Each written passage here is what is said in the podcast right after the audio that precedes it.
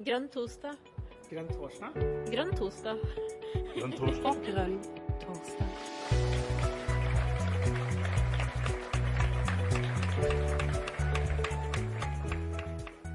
Da sier vi hjertelig velkommen til eh, Grønn torsdag. Nå har vi hatt en eh, ukes opphold, og det er jo mer enn eh, mer enn lenge nok. Og vi fortsetter uh, førstekandidatserien, og i dag har vi kortreist uh, førstekandidat. Uh, Jon Lurås, som er uh, førstekandidat i Hedmark valgkrets, skal snakke om arealbruk. Og det er jo et spennende og viktig tema som jeg regner med at vi alle har, har, sterke meninger om. Og det har vel du også, Jon. Det er sikkert derfor du har valgt temaet.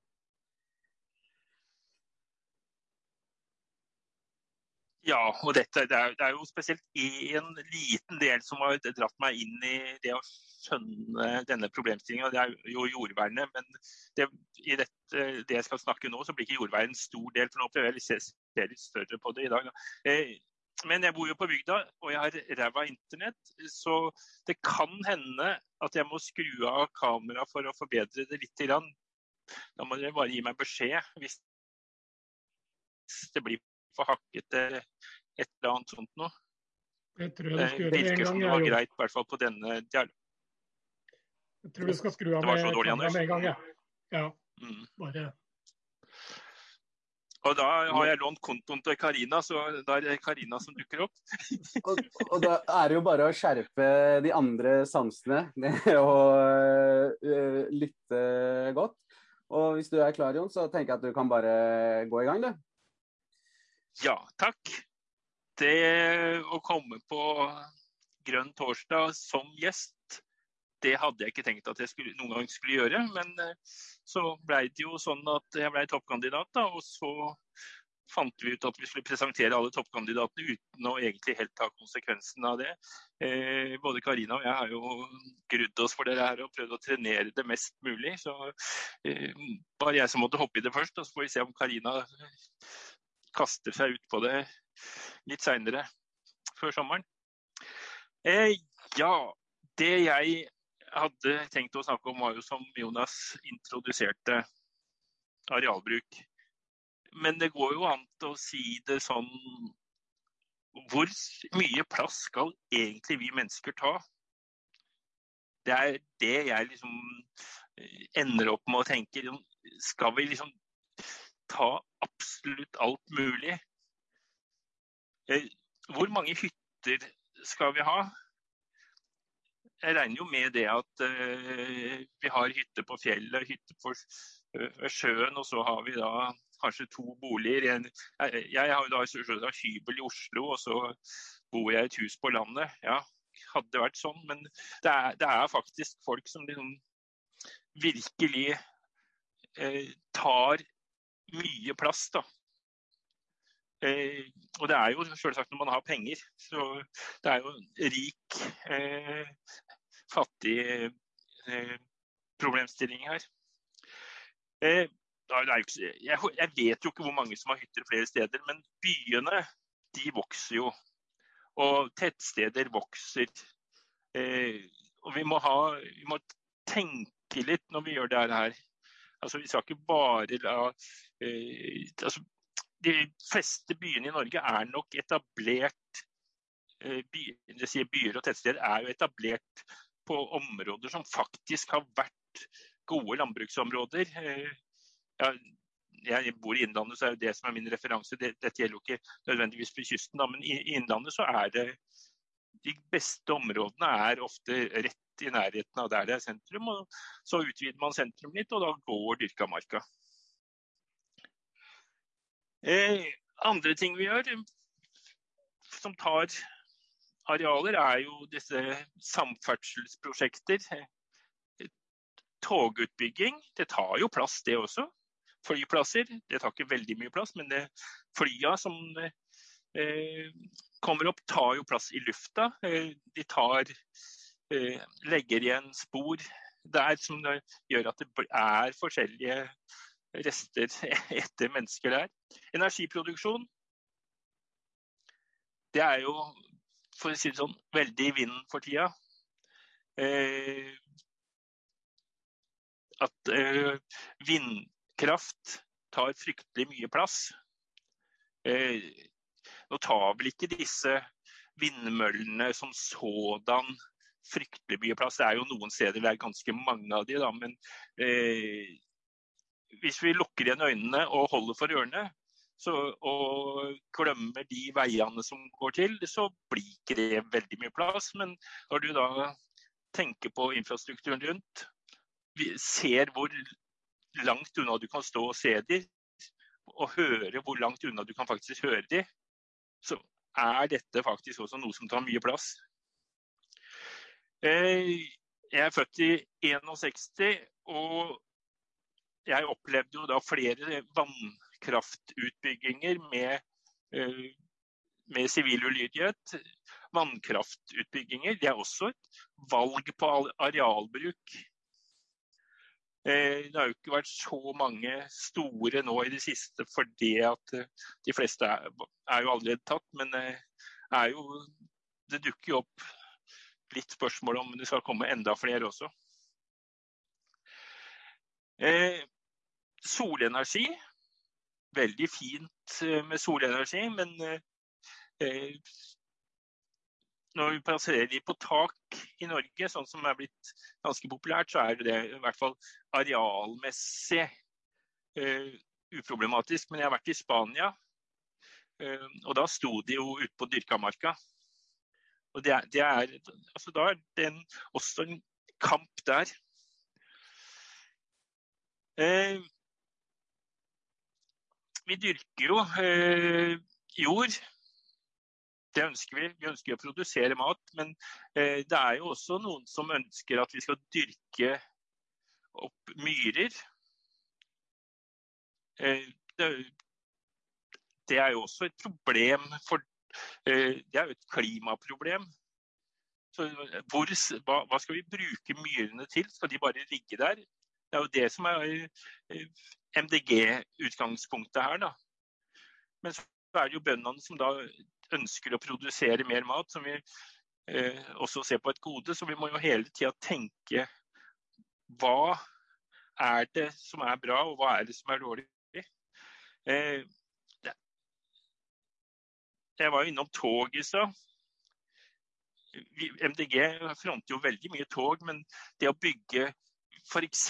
da Ringeriksbanen, som det har vært snakk om en del år, den er jo planlagt rett gjennom et naturreservat. Eh, og vil jo også gå over dyrka mark. Og, så, så, det, så det, er, det er mange spørsmål knytta til mange av disse tinga her. Eh, hva er det vi vil? Vi vil jo ha mat. Vi vil som Anders eh, spise middag. Eh, vi vil jo ha gode liv, vi vil bo, vi vil ha arbeidsplasser. Vi vil ha energi. Eh, så det, vi må jo gjøre avveininger underveis her. Eh, men dagens samfunn eh, er vel det at vi vil ha mye mat. Og vi vil ha veldig gode liv, og vi vil bo veldig stort. Og vi vil ha veldig fine arbeidsplasser, og vi har, vi har veldig mye energi. Så det, det, er vel en problemstilling her at vi faktisk vil litt for mye av alt. Det er i hvert fall det, det jeg eh,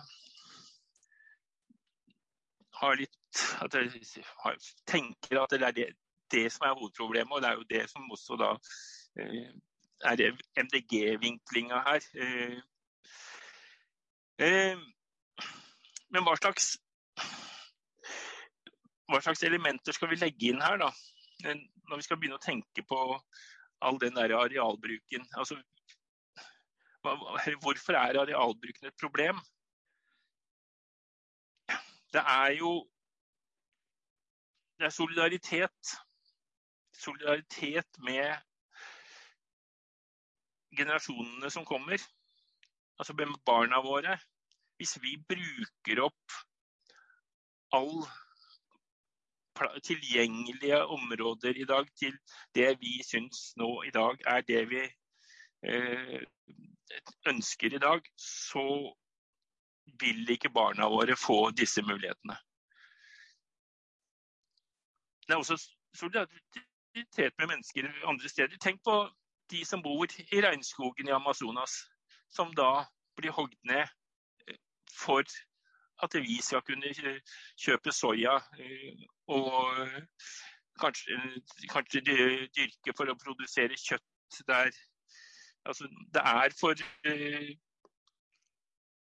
det, går på Vårt liv går utover folk som bor på helt andre eh, sider av kloden pga. vårt store forbruk.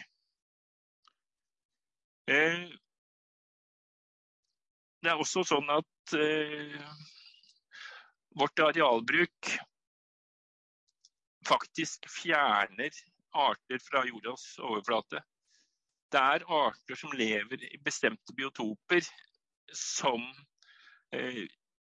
er ekstra ettertrakta i forskjellige situasjoner for, for, å dekke eh, de tinga dagens menneske faktisk eh, hva skal vi si, ønsker. Jeg er ikke helt sikker på om vi faktisk ønsker det, men det er i hvert fall det vi ender opp med å konsumere. Da.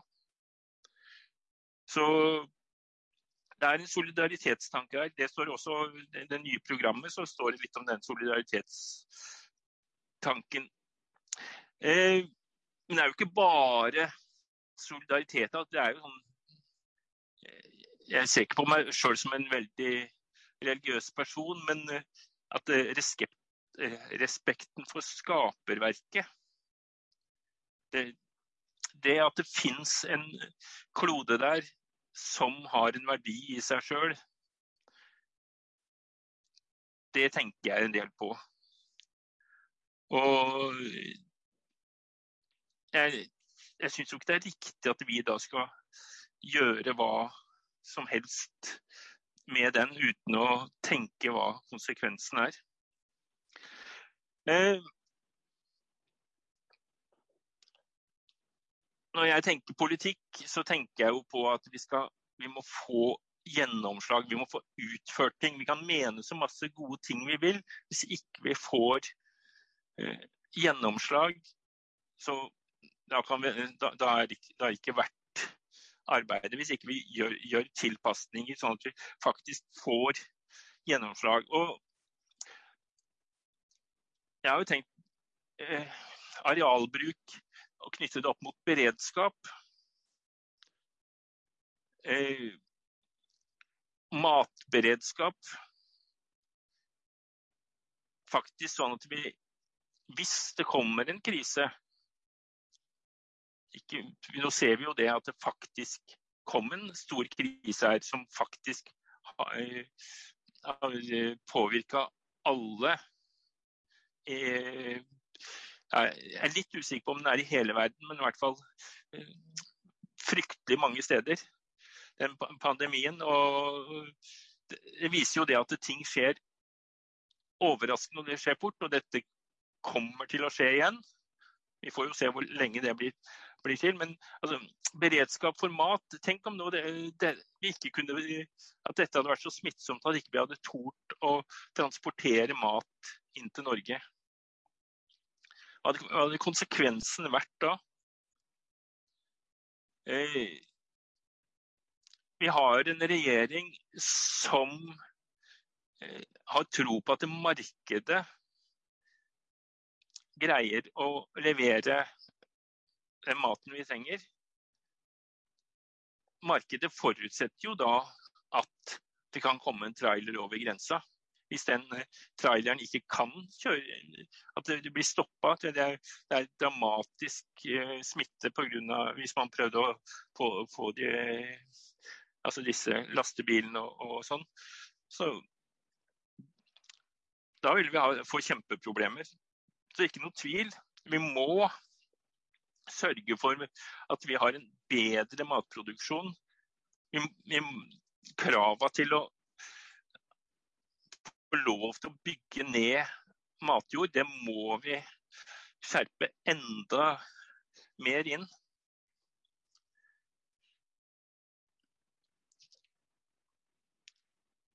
Og jeg, jeg er jo da lokalpolitiker, og jeg sitter da med min andre periode i Løten. Eh, jeg ble valgt høsten 2015, eh, så da var vel sannsynligvis første kommunestyremøte i oktober. Og da var det rett i budsjett. Og på første møte i januar eller februar 2016 så blei da kommuneplanens arealdel vedtatt. Eh, jeg gikk jo til valg fordi jeg var sikker på å ikke bli valgt. Så um, jeg blei jo kasta veldig rett ut i det. Og når jeg da ser tilbake igjen på hva jeg var, var med på å vedta da i eh, januar-februar 2016, eh, mye nedbygging av jord. Jeg har fått høre, når jeg da har stemt mot de tinga som da ble lagt ut som tilgjengelige ja, men Du stemte jo for det i 2016. Så det er noe skikkelig Altså, vi som jobber for å faktisk gjøre en endring, vi får jo eh, De følger jo med på oss. Og hvis de ser at vi har gjort én feil altså har, jeg, jeg, hadde en bratt læringskurve, men jeg gjorde ikke jobben bra nok da. Jeg, jeg er jo ikke noe tvil om det, men jeg, jeg hadde ikke innsikten. Jeg hadde ikke den innsikten jeg har i dag. Så det man da Løten vedtok da i 2016, det var jo altså, det var noen store ting. Det så jeg jo. Men det var jo masse småprosjekter som tok litt matjord her og litt matjord der. Og det har jo kommet statistikker eh, senere som viser at alle disse små eh, prosjektene, det blir fryktelig mye. Jeg har ikke noe tall som jeg legger fram meg, men sånn, vi må passe på hver eneste lille flekk på disse arealkartene for hvis vi skal greie å få stoppe av jordnedbygginga.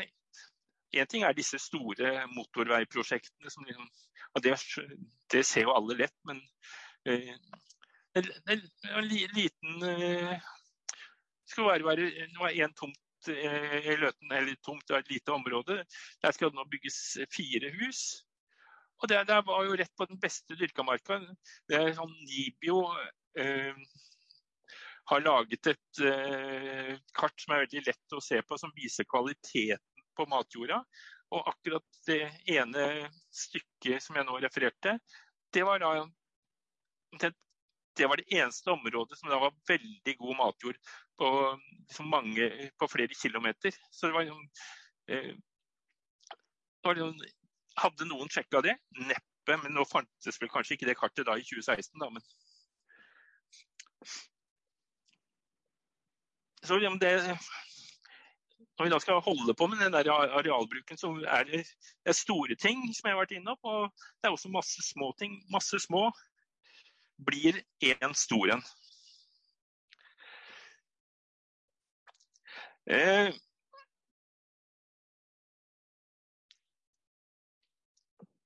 når det gjelder jordvern, så får vi jo ofte høre at den jorda, den kan vi jo, med matjorda den kan vi jo bare skrape av, og så kan vi flytte den til et annet sted. Jeg tror jeg hørte det i hvert eneste sak som jeg har tatt opp nå. Ja, men vi kan jo bare flytte den. Jo, det er riktig det at man kan flytte den, men verdien på den jorda da, den er ikke like bra. Eh, det er sånn at man har mer kunnskap om det nå, og man gjør det bedre. Og det er bedre enn alternativet, eh, som da eventuelt er bare å liksom bygge den helt ned. Men det å praktisere eller tro at flytting er et alternativ som eh, vi kan stole på, som vil være noe som eh, tåler tidens test, det tror jeg ikke. Det er sånn at Eh, hvis man skal flytte jord, så må, må, det jo være faktisk Du må ha et sted du kan flytte det til. på Hedmarken er ikke det lett. Der er det jorder nesten overalt. Det er lite områder som kan nydyrkes. Det er ikke null, men det er lite. Jeg snakka med den bonden i Løten som hadde mest nedbygging i forbindelse med et sånt stort motorveiprosjekt som vi har akkurat vært gjennom her. Og han, altså, han tapte ikke så mye som han trodde, fordi han hadde flaks. At han hadde Det var mulig å få et par steder nydyrking hvor man da kunne legge den jorda som skulle flyttes, eller som da var i ferd med å bli nedbygd, at den kunne flyttes til de områdene som faktisk fikk eh, utnytta det. Men da det var jo noe som ble tapt, og, eh, og no, noe som man da redda lite grann. Eh, en annen vinkling også på matsikkerhet og arealbruk. Skog.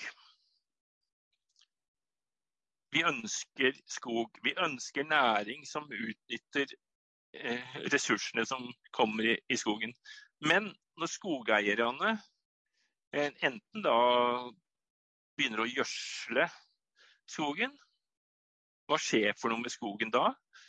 Eller de begynner med jordbearbeiding, altså harver opp eh, jorda eh, i skogen for å, eh, for å få en bedre produksjon, sier de.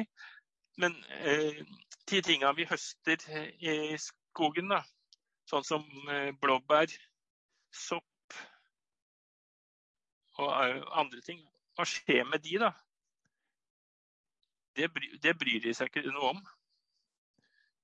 Eller kan, det vet jeg ikke noe Det er litt flåste å si at de ikke bryr seg noe om det, men de velger det i hvert fall bort.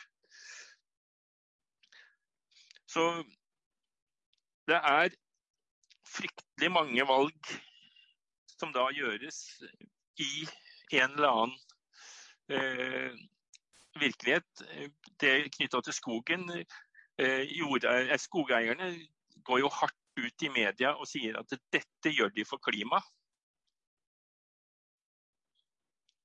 Og det er jo noe sant i at de gjør det for klima, eh, men eh, det er mange problemstillinger rundt det som tilsier at man kanskje ikke skulle gjøre det også. Eh, og det påstås jo også at regnestykkene til skogeierne de er for enkle. Uten at jeg vil gå inn i detaljer der, men det er liksom, vi er i en komplisert verden. Men det er vi jo alle klar over. Eh, litt mer om klima. Disse Vi gjør jo Vi bygger jo veier Eh, og så bygger vi veier på ett sted, og så som følge av at veien kommer der, så får vann eh, andre eh, måter å renne på, og så får vi mer regn. Og da får vi mer flom, og, og vi får flere steder som da blir plutselig eh, blir mer vannutsatt. Eller det blir jordras pga.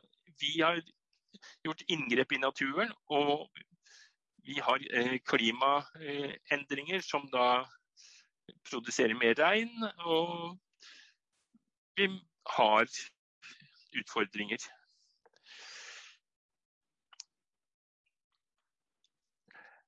Åh, jeg er ikke vant til å snakke så lenge, da. ja. Jeg er vel egentlig gjennom eh, de ho hovedpunkta mine. Jeg har jo tenkt litt mer, men eh, jeg tenker kanskje at eh, vi kan eh, slippe på litt, så jeg får hvilt kjevemusklene litt. Grann. Ta deg en uh, liten uh, kjeve, og takk for uh, god innledning så langt. mye spennende tematikk du er innom. Da er det sånn at folk oppfordres sterkt til å tegne seg, og da er det bare å bruke raise hand-funksjonen i, i, Zoom. Eller hvis dere ikke finner den, så kan dere skrive i chatten, så skal jeg prøve å få med, få med det også. Um, det, jeg, begynner gjerne med å stille spørsmål sjøl.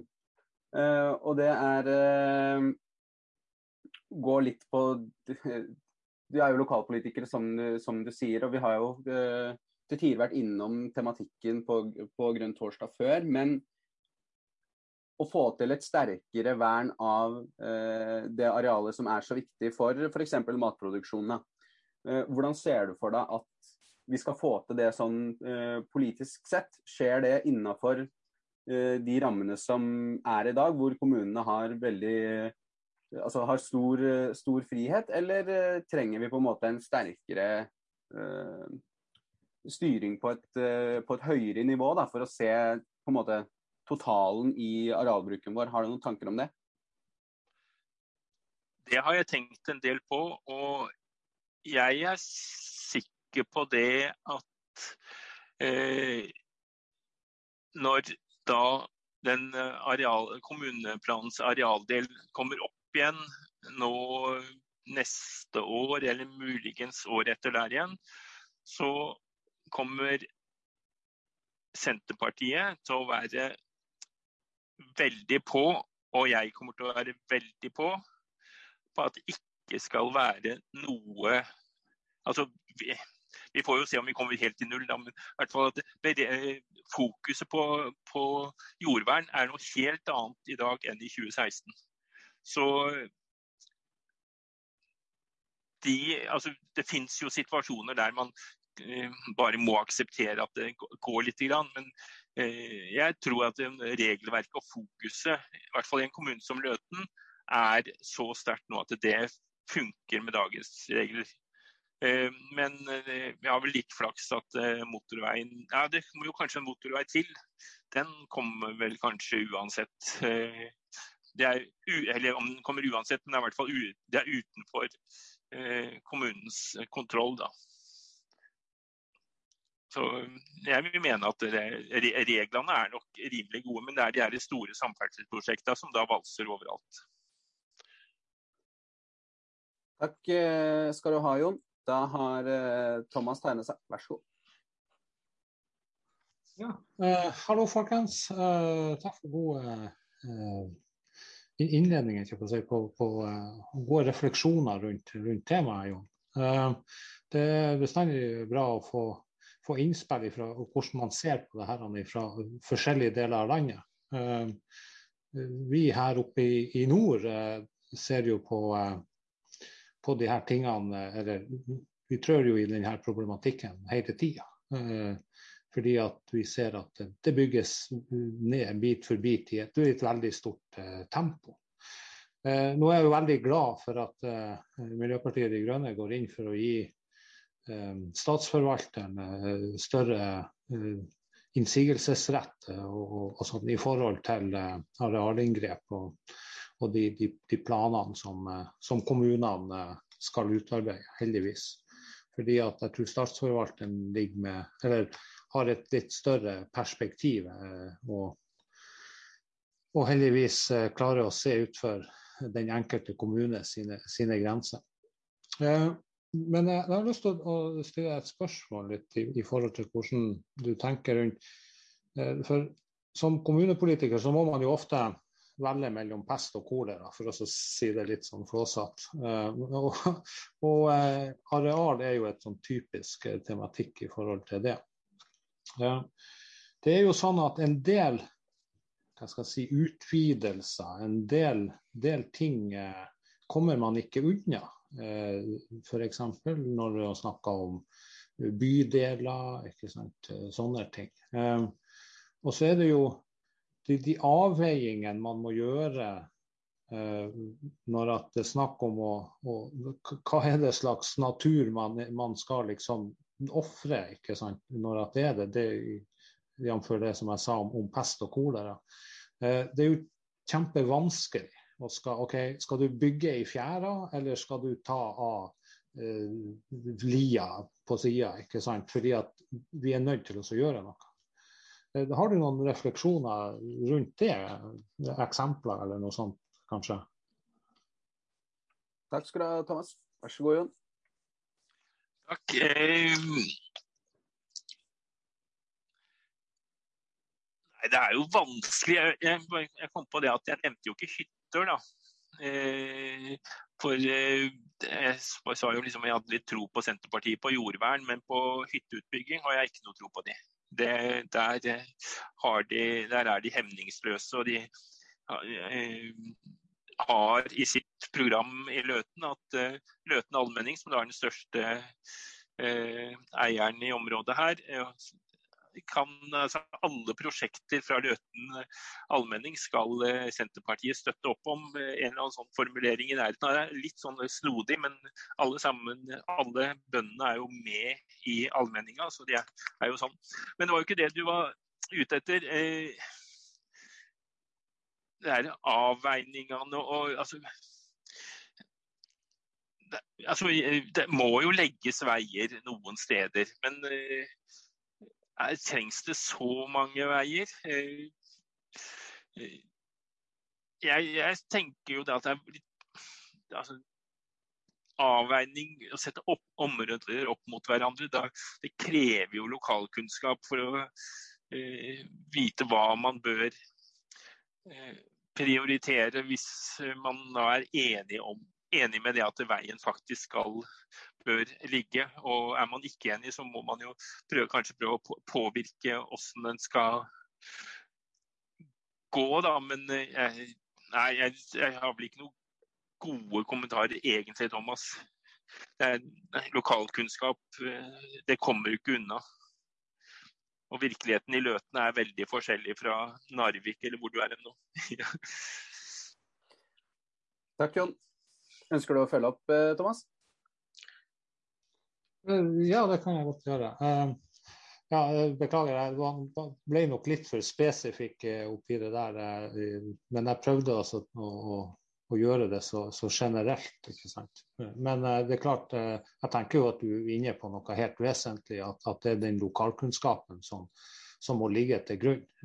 Og hensynet til biologisk mangfold og sånn. Selv om at man nok aldri klarer å få ei uttømmende eh, si, prioriteringsliste nedover i forhold til hva man skal legge, legge til, til, grunn.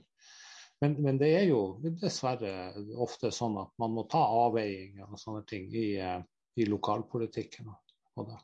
Så får man jo heller satse på at når vi kommer inn med en stor grønn gruppe på Stortinget, at vi skal eh, frigjøre lokalpolitikerne fra det forferdelige ansvaret å måtte ta sånne avgjørelser.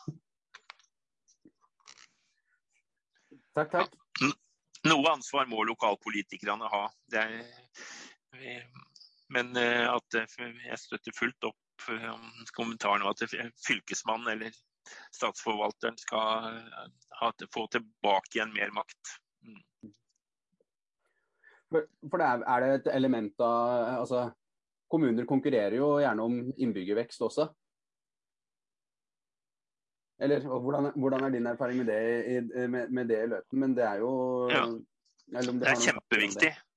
Det er kjempeviktig eh, økonomisk eh, med vekst. Hele finansieringsordningen er jo lagt opp på at eh, kommuner som har en vekst i folketallet, får mer penger. Mm. Så det er en kamp. Det er det ingen tvil om. Takk skal du ha, Jon. Da er det Hanne som er neste. Vær så god, Hanne. Um, Jon, du, du um, beklagde deg jo veldig mye for hva andre har gjort, på en måte. Og andres ja, vinkling på holdning til areal. Da. Men uh, sånn så lurer jeg på om du ville si noe om hvordan du vil fronte MDGs politikk. da. Hva er det, hva er det vi vil eh, i valgkampen og i alle paneldebatter som kommer? Um, F.eks. hvordan ville du forsvare Nord-Norge-banen? f.eks. Takk. Takk, Hanne. Vær så god, Jon. Tja. Eh, jeg mener jo at det er eh, en del problemstillinger rundt den som ikke er helt, helt enkle. Og, men nå blei vel den da vedtatt, og jeg vil jo da måtte stå bak eh, MDGs politikk hvis jeg ikke da tar, reserverer meg mot Nord-Norge-banen. Men eh, det syns jeg vel er litt eh, problematisk. Jeg ville jo sagt at det var vel Chris som muligens sa at det å bygge den på påler kunne vært en mulighet. Jeg har ikke satt meg veldig inn i den, men eh, det er jo et problem med en så stor, eh, stor greie. Men det er jo så mye annen trafikk, mye gods og sånn. Så er, jeg vet ikke hvor nøye, nøye, vi har sett på økonomien rundt det der, på all den godstrafikken og sånn. Det kan at det er andre som har mer innsikt i det. Takk eh, skal du ha, Jon. Vil du følge opp, Hanne? Ja, et lite tips til alle sammen. I MDG Trøndelag nå så har vi eh, satt ned sånn grupper og undergrupper for å utvikle politikk. Eh, og da har vi bl.a. en toggruppe. så jeg driver og undersøker veldig mye om eh, stolpetog og hyperloop og den slags. Jeg driver og samler inn informasjon da. Eh, tanken var liksom at vi må vite i Trøndelag hva er det vi vil med jernbane, elektrifisering, gods, passasjerer og sånn. fordi alle forskjellige lokallag jobber på en måte i konkurranse med hverandre. Alle vil ha elektrifisering av sin bane. Så det er liksom med tanke på å få en helhet i politikken. Og, og kanskje vi finner på noe spennende så vi kan lage et avisinnlegg eller en resolusjon da. Litt, litt på sikt. Takk. Takk skal du ha, Hanne. Da er det Birgitte som er neste. Vær så god, Birgitte. Ja, tusen takk. Um, jeg tenkte jeg først skulle bare kommentere på dette med jordflytting. Um, og Det kunne jeg absolutt ingenting om før det forrige stortingsvalget. Men da hadde vi en førstekandidat i Østfold som uh, jobbet på Ås, NMBU. Uh, eh, og Problemet med jordflytting er at det snur jo opp ned på lagene i jorda. og det er jo Strukturen i jorda er en veldig viktig del av matjordas verdi. Og Ulike mikroorganismer lever i ulike sjikt når du snur opp ned på alt dette, så ødelegger du hele strukturen. Og man frigir også mye CO2, sånn at det, ifølge han da, så skal det veldig høy fagkunnskap til. Og det må gjøres på helt spesielle måter, og det er unntaksvis at det skjer i Norge. og Dermed så forringes verdien på den matjorda som flyttes i veldig veldig stor grad.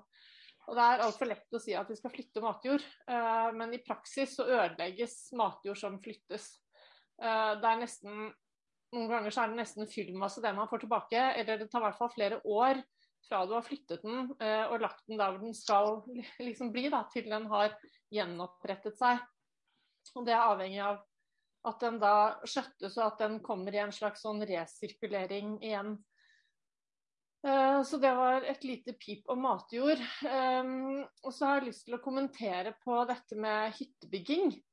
Og da skal jeg tilstå med en gang at jeg sitter på hytta når jeg snakker.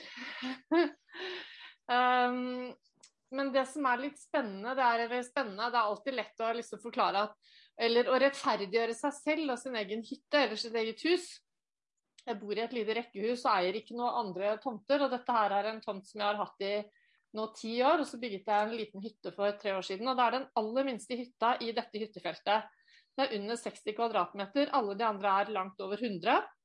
Og Det som er litt interessant, det er at alle sier at åh, du har den fineste hytta av alle.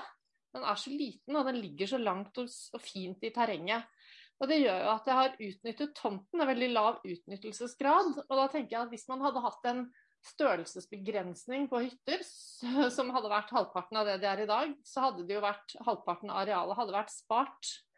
Sånn at de har ganske mye å hente på å begrense størrelse. Og det er altså så enorme palasser og det holder ikke heller med det at man har lagd en hytte, fordi folk bygger noen dyre plattinger rundt i hyttene. Og det verste er at de plasserer masse lys i terrenget.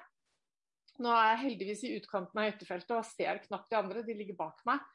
Eh, men de, de, beslaglegger altså så veldig mye mer areal enn der hvor de hyttene er bygget.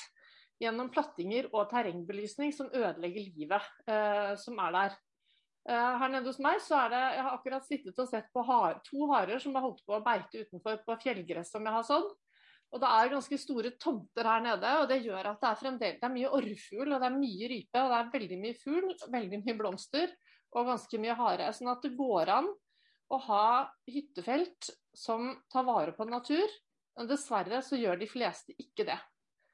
Uh, og det er også ganske ille å se hva slags forståelse som folk flest har.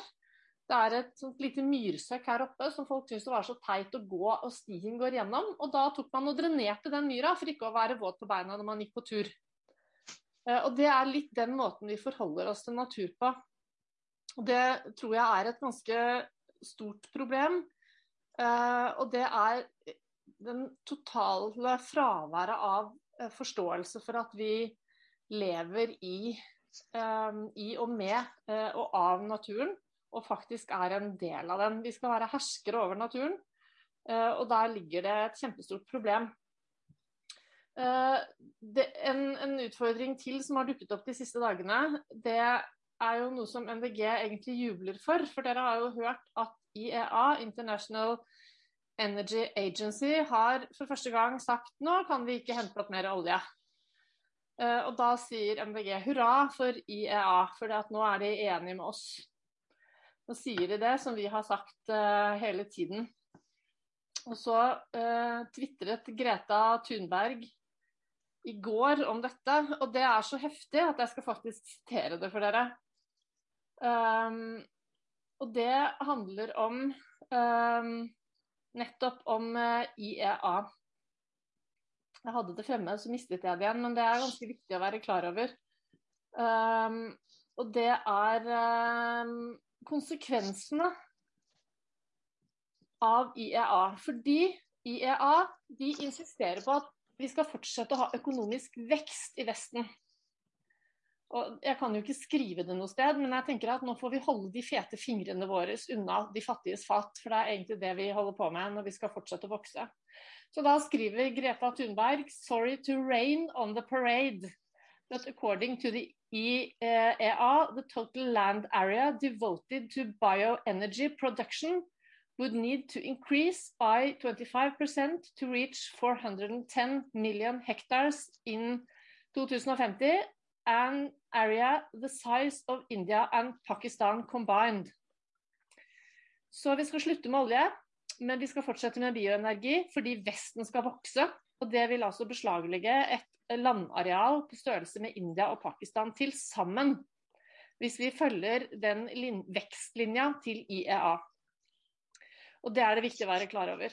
Og det, det gjennomsyrer hele tankegangen Uh, og det er det jeg kaller for klimaprofitører, som ikke ser helheten, men som tenker å, klimaet er farlig, og da må vi ofre noe. Og da er det jo ikke oss selv og vårt eget forbruk vi skal ofre, selvfølgelig. Det er ikke vi som ofrer noe, det er naturen som blir ofret. Uh, og derfor er jeg veldig glad for at MDG sier tydelig at naturkrisen og klimakrisen er like alvorlig, og vi må håndtere begge deler samtidig. Eh, men vær obs altså, på den veksttankegangen som IEA står for. Eh, og det er ikke en udelt glede, eh, det de sier. Så vi kan si ja til IEAs nei til olje, men vi må si nei til IEAs ja til vekst. Og Det tror jeg blir veldig viktig for våre politikere, og særlig dere som skal inn på Stortinget, Jon.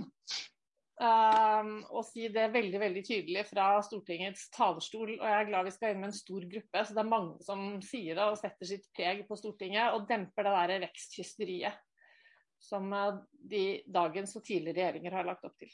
Takk. Takk, Brigitte. Brite. Vil du kommentere, Jon? Ja, hun, sa, hun kom jo med så mye, så jeg må i hvert fall eh, bare eh, det var det med å flytte jord. Eh, jeg sa ikke alt uh, som han, eh, min lokale bonde fortalte. For det at, som da Birgitte da sier, så er det viktig med rekkefølgen på jorda. Så han, Einar Mykje, som han heter, han fikk leid seg en drone og tok bilder hver eneste dag av det de holdt på med når de var flytta jord, eh, for å ha kontroll på det at eh, den øverste jorda var den som da på det nye feltet også skulle være den øverste. Og de forskjellige laga nedover. Så det er kommet mer kunnskap enn for fire år siden, men det er fryktelig vanskelig. Og det er helt sikkert at det er et tap, men man, har, man er blitt bedre til det. Da, men det, det, er jo ikke et ønska ting. Eh, og så må jeg innom det med hytter. Eh, eh, det hyttefeltet som da Løten allmenning som jeg var innom i Løten, de har jo lagd et Jeg lurer på om totalt var nesten 1000 nye hytter, eller kanskje 800. Og da blir området, totale området blir så stort. Eh, så da vil ikke jeg sette at eh, verdien av og, og, og, at hytta skal være mindre, er ikke, det er jo absolutt et poeng. Men eh, det er områdets størrelse som også er et eh, stort problem her, som man da tar fra naturen og legger under eh, et eller annet regime fra oss. da. Og så selvsagt lys. Det, eh, jeg kan se etter det her i hytteområdet her, og det er et Soria Moria-slott. Eh, nå er jo det et positivt begrep, men det er, jo, det, der er det lys døgnet rundt 365 dager i året. Og det er ikke, ikke bra. Så vi må jobbe mer med den der lysproblematikken. Det er, det er nytt, og det er nok lett å få andre med på. Med på, med på, på. Der kom det noe ekko. Eller var det bare, var det bare Er det bare hos meg? Nei da, det var, eh, det var ekko, men det skal være borte nå. Ja. Takk. Mm. Takk eh, skal du ha, Jon.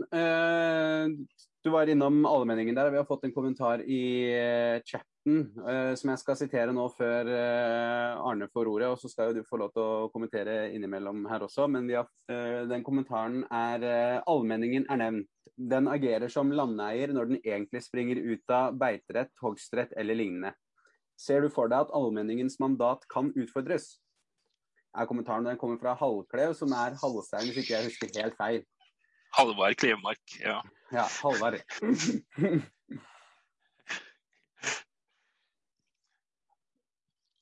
eh, nå er jo Der var den. ja.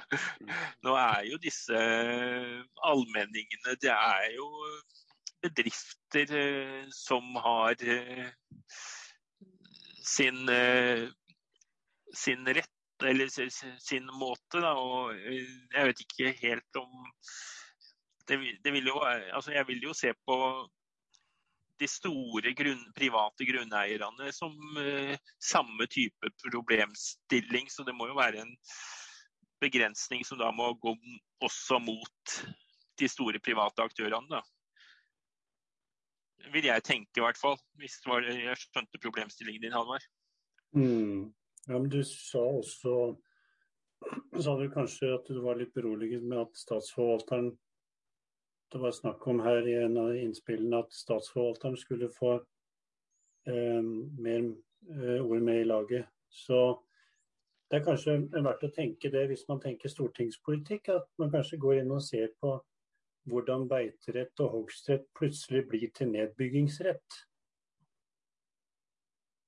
Så var det spørsmål i den retning. Så, men det er interessant det du sier, at det kanskje også det gjelder da de store landeierne. Det springer ut av Jeg ser her nede i Lummer kommune at kommunen har bare jevna ut et svært område med furumoer og skal bygge sånne industribokser. Eh, da tenker jeg også at eh, ja, det er plutselig har det blitt landeiere til å drive med det. Men eh, eh ja, nei, men takk for, eh, takk for det. Du, da, da, kan jo det være et forslag om at vi setter landskaps... Dette er kanskje noe med landskapsvern å gjøre også. Um, som vi drev med på fylkestinget. og uh, Landskapsvern skal kanskje inn i bildet her. Jeg skal ikke tvære ut det, men det er i hvert fall nevnt. da. Kanskje det kan være en vei inn. Ja, men Takk for det, Jon.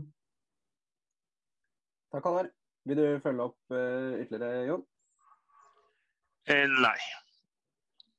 Da er det Arne som er uh, neste. Vær så god, Arne. Eh, takk for det, og takk for innledninga, Jon. Jeg er jo enig i det aller meste du sier, og for så vidt det de fleste har sagt der. Eh, takk, Birgitte, fordi at du tok opp det her med vekstsaken.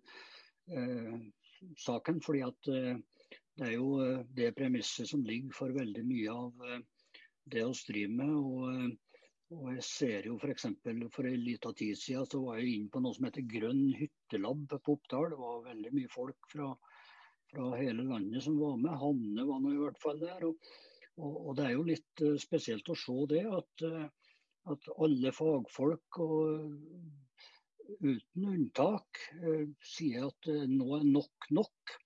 Og så avslutter da min ordfører med at han er jo enig og ser jo det her, men i hver setning han sier etter det, så har han med da det her med verdiskapning.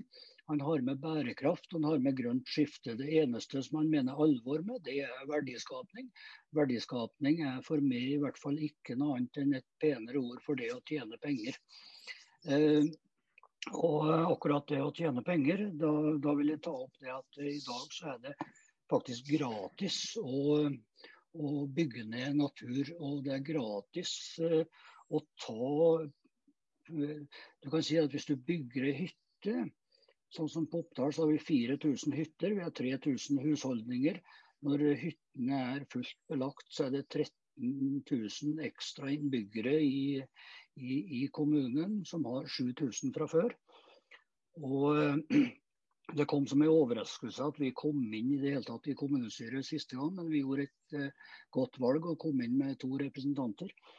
Eh, vi klarer på et vis å påvirke, slik at eh, flere partier er på gang i disse tankene her. Og Da må jeg si meg litt uenig med det, Jon, at vi skal telle seire. For vi må telle påvirkningene når vi ser at Senterpartiet deler seg i to, og halvparten er enig med oss. Det samme har Arbeiderpartiet gjort ved en del eh, anledninger. slik at eh, vi er på gang, selv om vi ikke får det registrert som eh, som seire. Men tilbake til det her med at det skal koste å bygge ned. Når du bygger ei hytte, så tar du da eh, en verdi fra alle andre, også andre hytteeiere. Du tar, eh, eh, du tar verdier for bønder i form av beite, har beiterett i området, uten at eh, de får kompensert. Eh, det blir mange ganger sagt at eh, Altså Kommuner får ikke noe annet tilbake enn ødelagte veier og, og eh, litt eiendomsskatt, hvis de tør å, å, ta det her. Så en form for grunnrente har jeg i grunnen nasjonal grunnrente på det her. Eh, for å fordelt eh, litt av kostnaden på det her. For dessverre så er det jo fortsatt slik at det eneste vi klarer å telle som verdi, det er jo penger. Selv om eh, vi nå er på gang i Oppdal i hvert fall, med både klimabudsjett og eh, arealregnskap og tilhørende eh, budsjett. Men dette med grunnrente er jeg litt opptatt av. Jeg vet ikke hvordan du Jon, ser på det. Takk. Takk, Arne. Vær så god, Jon. Takk. Jeg har vel ikke satt meg så mye inn i grunnrente at jeg liksom har tenkt noen egne tanker knytta til det. Eh, eh, når det gjaldt hytte, så kom jeg på et element som er, er litt eh, interessant på disse stedene som da bygger ut masse hytter. folk kjøper seg jo hytte for å kunne Det er åpne og frie områder og ikke for mye folk. Eh, sånn har det i hvert fall vært i Løten. Så når da allmenningen legger ut, så er det folk som da selger hytta der for å komme seg til et eh, annet sted som da har de opprinnelige verdiene. Så eh, det, det, tipper jeg nok gjelder en del steder at folk eh, at man ødelegger sitt eget, sin egen nisje da, med å bare bygge ut videre. Eh, og så er jeg litt usikker på om jeg tolka deg riktig, Arne, men eh, du sa et eller annet om seier. Og, og jeg, altså jeg, tenker det er, det er, viktig å feire de små seirene vi, vi har for, for, å overleve i kampen da, mot det, Hvis vi ba, bare tok alle Hvis vi bare får nederlag, så makter vi ikke stå i kampen. Tenker jeg. Takk. Takk skal du ha, Jon. Vil du følge opp, eh, Arne? Ja, jeg vil bare kommentere det siste Jon sa. at eh, Det er jo nettopp derfor, for å makte å stå i kampen, at du òg må ta med deg eh, det at du ser at påvirkninga virker, og at ting er i ferd med å snu. Og så vil jeg òg kommentere det der med at når du bygger nye hytter, så er jo det, legger ut nye hyttefelt, så er jo det vanligste høringsinnspillet det er jo faktisk fra andre hytteeiere som ser at her forringer man det man en gang har kjøpt. Slik at uh, enten så selger du, eller så protesterer du i hvert fall mot det. Takk. Takk skal du ha, Arne. Da skal vi gå videre på talerlista, og så refererer jeg de som uh, har tegna seg. Og det er uh, også det vi, det vi, rekker. Og da er det Anders, og så så jeg en han fra Tor Hauge i stad, så han skal få ordet hvis han vil ha det. Og så er det Hanne, og så Sigrid eh, til slutt. Og da lurer jeg på om, vi gjør, om vi gjør det sånn nå at uh, du får muligheten til å kommentere etter at de har hatt ordet, Jon. Yes. Vær så god, Anders. Ja, nei, jeg ser hva klokka er, så jeg skal være kort for en gangs skyld. Um, To ting jeg bare har lyst til å kommentere litt, og så behøver ikke Jon å si så mye om det. Men det er eh, den kontrasten mellom det å bygge ned dyrket mark og dyrkbar mark. Eh, for de som ikke vet det, da, så er jeg lokallagsleder i Ringsaker MDG. Er Norges største jordbrukskommune og Norges største hyttekommune. Så dette treffer midt eh, rett hjemme hos, eh, hos oss. Eh, vi har en sak her for litt siden hvor det ble vedtatt i kommunestyret, mot vår stemme selvfølgelig, at her skulle det bygges ned dyrkbar mark for å lage til ny båthavn og sånt for det er jo skrikende behov for det, selvfølgelig. Men det, det hjalp ikke. Men, men, poenget da var, argumentasjonen var at nei, dette er ikke dyrket mark, den, så, så, det er ikke så farlig. Men ja det er, eh, det er, viktig å være oppmerksom på lokalforholdene, i hvert fall å kjenne til hva slags mark er det vi egentlig snakker om. Ikke bare om det er dyrka eller ikke, men hva den kan brukes til også. Og så har jeg et annet kommentar, og det gikk litt på det med skogsdrift. Ehm, og det må vi få gjort noe med. og Det handler ikke bare om arealbruk, men det handler også om biologisk mangfold og alt som, alt som har det. Når man hogger skog, som er i og for seg greit nok, eh, men eh, med store flatehogst og nyplanting og gjødsling, som vi egentlig har drevet med siden 60-tallet, så får vi ikke en ny skog. Vi får en skogsåker. Vi får ikke et sted hvor det gror lyng og vokser bær og sopp eh, i utstrakt grad, sånn som det skal gjøre i en skog. Og vi får ikke de andre mikroorganismene som ligger der. De, eh, de tåler ikke den gjødslinga osv. Vi får en åker, vi får ikke en skog. Og det må vi eh, få gjort noe med. og det, Jeg vet at det tar lang tid, men et eller annet sted må vi begynne. Og da syns jeg vi kan begynne nå. Vi har vel så vidt begynt, da, for vi argumenterer jo for mer for plukkhogst osv. enn det alle de andre gjør, men allikevel. Det holder for meg denne gangen. Takk eh, skal du ha, Anders. Det er Tor som er neste. Vær så god, Tor. Ja, nå var jo Anders litt inne på det som jeg tenkte å ta opp, og bl.a. dette her med skogsdrift. da. Det er jo veldig mye skog i Norge, og det er en stor ressurs. Og eh, driftsformen er jo litt stridbar. Og jeg tenkte kanskje å høre med eh, hvordan ser MDG for seg en eh, skogsdrift som er bærekraftig, miljøvennlig og samtidig lønnsomt for skogeieren. For slik det er i dag, så er det ikke regningssvarende å drive og plukkhogge, fordi at eh, altså arbeidsutgiften, timelønna, er så høy at det er ja, sier de som driver i bransjen, at det er helt umulig å få til lønnsom drift ved å drive gammeldags, for å bruke det ordet, der en plukker her og der.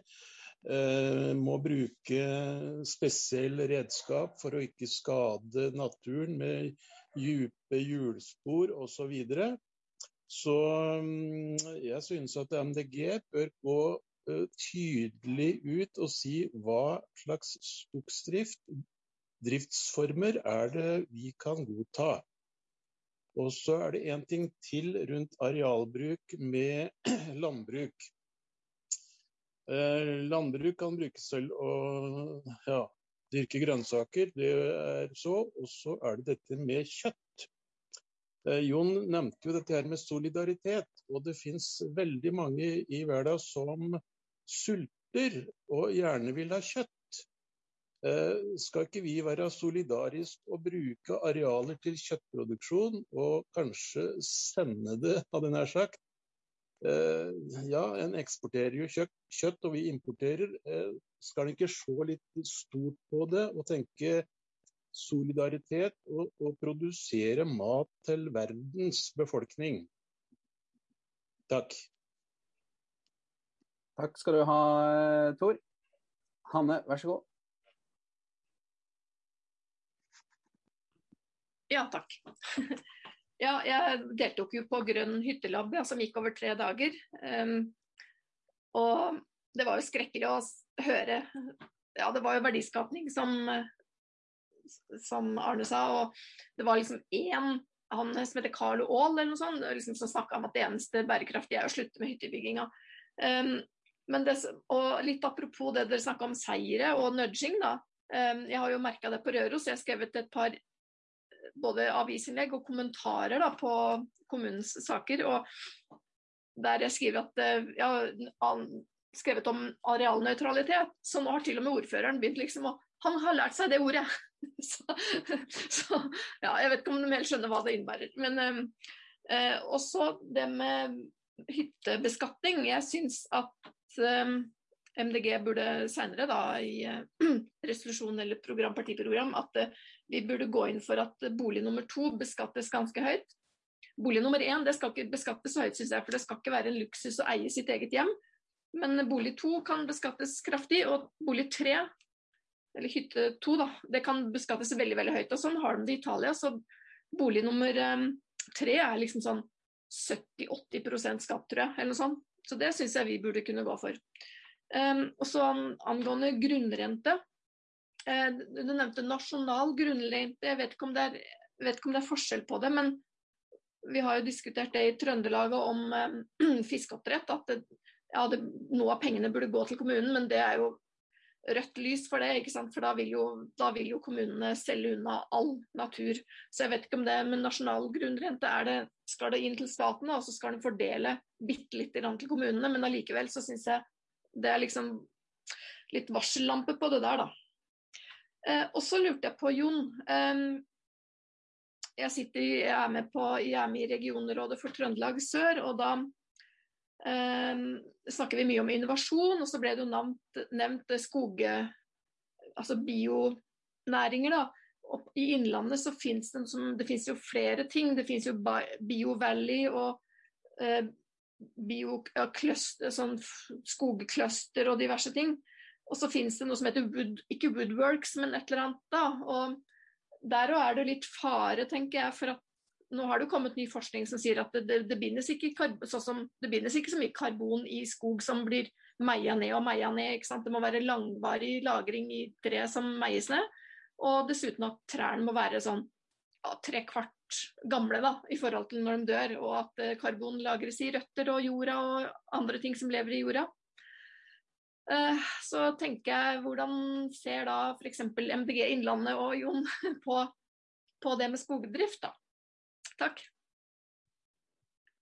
Takk skal du ha, Hanne. Da er det Sigrid som er uh, siste taler før uh, Jon får ordet. Vær så god, Sigrid.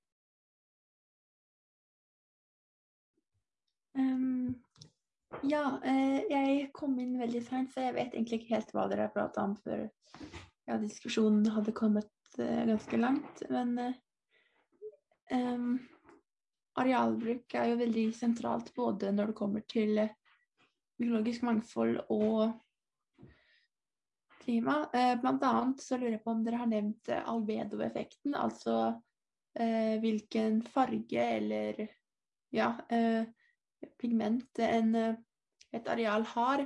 Eh, og, og, sammenhengen det har på i hvilken stor grad et område reflekterer sollys. F.eks. så reflekterer hvitt Eh, eller lyse overlag er eh, sterkere enn eh, mer sollys enn mørkere lag. Så granskog reflekterer ikke så mye. Og som der er når man også veier, har dere nevnt det? Og habitatfragmentering. Altså, jeg har snakka mye om landbruk og hytter, og det er eh, kjempebra. Det, men eh, nå har det vært så mye snakk om Nasjonal transportplan og sånt. Eh, veiutbygging eh, Det er ingenting som er så, så ødeleggende for eh, eh viltpopulasjoner som fragmentering av leveområdene deres. Og det man, er jo en vilt, alle viltpåkjørslene i Innlandet et bevis på at uh, hele Norge som er ja, uh, villdyrs leveområde er ganske så fragmentert. Uh, og ja, så da, da lurer jeg på Men det finnes jeg, jeg har et fag som heter conservation biology, eller konserveringsbiologi. da, altså Hvor man f.eks. lager viltoverganger da, og for å måtte kompensere eller um, ja, for uh, tapte muligheter til å migrere får arter til å migrere mellom to deler av uh, ja, uh, liksom, når et område har blitt delt i to av f.eks. en vei da, som er farlig å passere. Um, så lurer jeg på om eh, vi har noe politikk på det når det kommer til arealgreier. Og dette her med at uh, eh, f.eks. asfalt gjør er verre for klimaet enn gress. Med tanke på at det, det absorberer varme, og dermed ja, akkurat som når polisen blir mindre, så er det faktisk en av disse såpass chipping points-greiene, altså forsterkende effektene, som gjør at det ja, mindre snø, mer uh, fjell eller uh, vann, ja, da blir det mindre områder som reflekterer sollys, og mer som absorberer. Enda Altså Oppvarmingen vil gå enda, der fortere. Så albedoeffekten syns jeg er absolutt eh, um, for lite omsnakket da, når man prater om klimaendringene. Og uh, ja, også viktig når man snakker om arealbruk, da. Og så lurer jeg på hvor mye areal går egentlig til matproduksjon globalt? Og ja Takk for meg. Tusen takk, eh, Sigrid. Da, Jon, skal du få uh, ordet. Og du har, jo, du, har, du har, jo, nok å snakke om i dine avsluttende, dine avsluttende kommentarer, for å si det mildt. Eh, ja. Så Nei. vær så god. Nei. Nei, vi har jo, det er jo litt over tida også. Det var som du sier, ve veldig mange ting. Jeg prøvde å gjøre meg noen notater, men det blei veld, veldig mye. Så det ene et par ting som jeg syns var ekstra verdt å kommentere. Hanne lurte jo da på hva Innlandet MDG mener om skogsdrift. Og jeg kjenner jo til det at det er det med alder på trærne har noe å, si i forhold til når de faktisk tar opp mest, mest eh, klimagasser og, sånn. Og eh, vi må ha eh, skogsdrift, og så må vi ha føringer på det. Og når det da gjelder det som Tor var inne på, plukkhogst. Eh, jeg tror, Nå er ikke jeg noen fagmann her, men eh, jeg vet jo det at det å spørre de som da sitter med de store maskinene, de, de har jo de eh, jeg tipper, Nå vet jeg jo ikke at Tor spurte de, men jeg tipper jo at det var de som var kilden til at plukkhogst ikke lønte seg. Så det kan nok hende at det er mer at det finnes andre syn på det. Men eh, jeg tenker jo det at eh, vi ikke kommer utenom det å akseptere disse store maskinene i en del områder. Og så må vi satse på de viktige områdene, at de faktisk at vi får freda flere, mer gammelskog. Det, det, det, det er viktig. Og så var Tor innom kjøtt. Jeg tror nok det er, eh, altså, MDG ønsker jo å produsere kjøtt på, på uh, utmark, men vi kommer nok aldri til å produsere så mye kjøtt at vi kan begynne å eksportere. Målet må jo være å uh, redusere importen. Og at vi lever på mer kortreiste ressurser. det er jo en Det skal ganske mye til det. Så var Anders innom eh, dyrkbar kontra dyrket jord.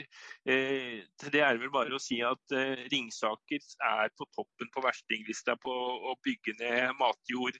Så at de ikke ser forskjell på matjord og dyrkbar eh, jord, det var vel ikke noe sjokk. De, mm, Ikea bygde i Ringsaker kommune. og da fikk de, de bygde på dyrka mark, og da fikk de byggeskikkspris.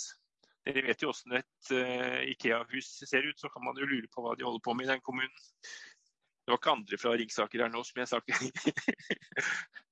ja.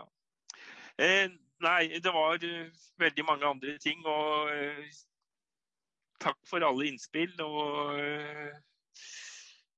så håper jeg at eh, dere har uh, fikk litt utbytte av det. Av uh, god trening for meg i hvert fall. Og bli, bli utfordra på ting som jeg ikke kunne noe om. ja. Sjøl, takk, Jon. Så ser vi jo alle frem til at du skal utfordre på, når du kommer inn på Stortinget også. Eh, så eh, det gleder vi oss eh, masse til. Tusen takk for innledninga og for kommentarene dine. Neste uke så er det grønn torsdag, men vi er ikke helt, vi har ikke helt landa tema for neste gang. Men vi er sikre på at det blir. Så, så frykt ikke. Så da håper jeg at vi ser alle neste uke også. Og med det så tenker jeg at vi kan si takk for i dag, og takk for at dere kom. Takk for nå. Ha det godt.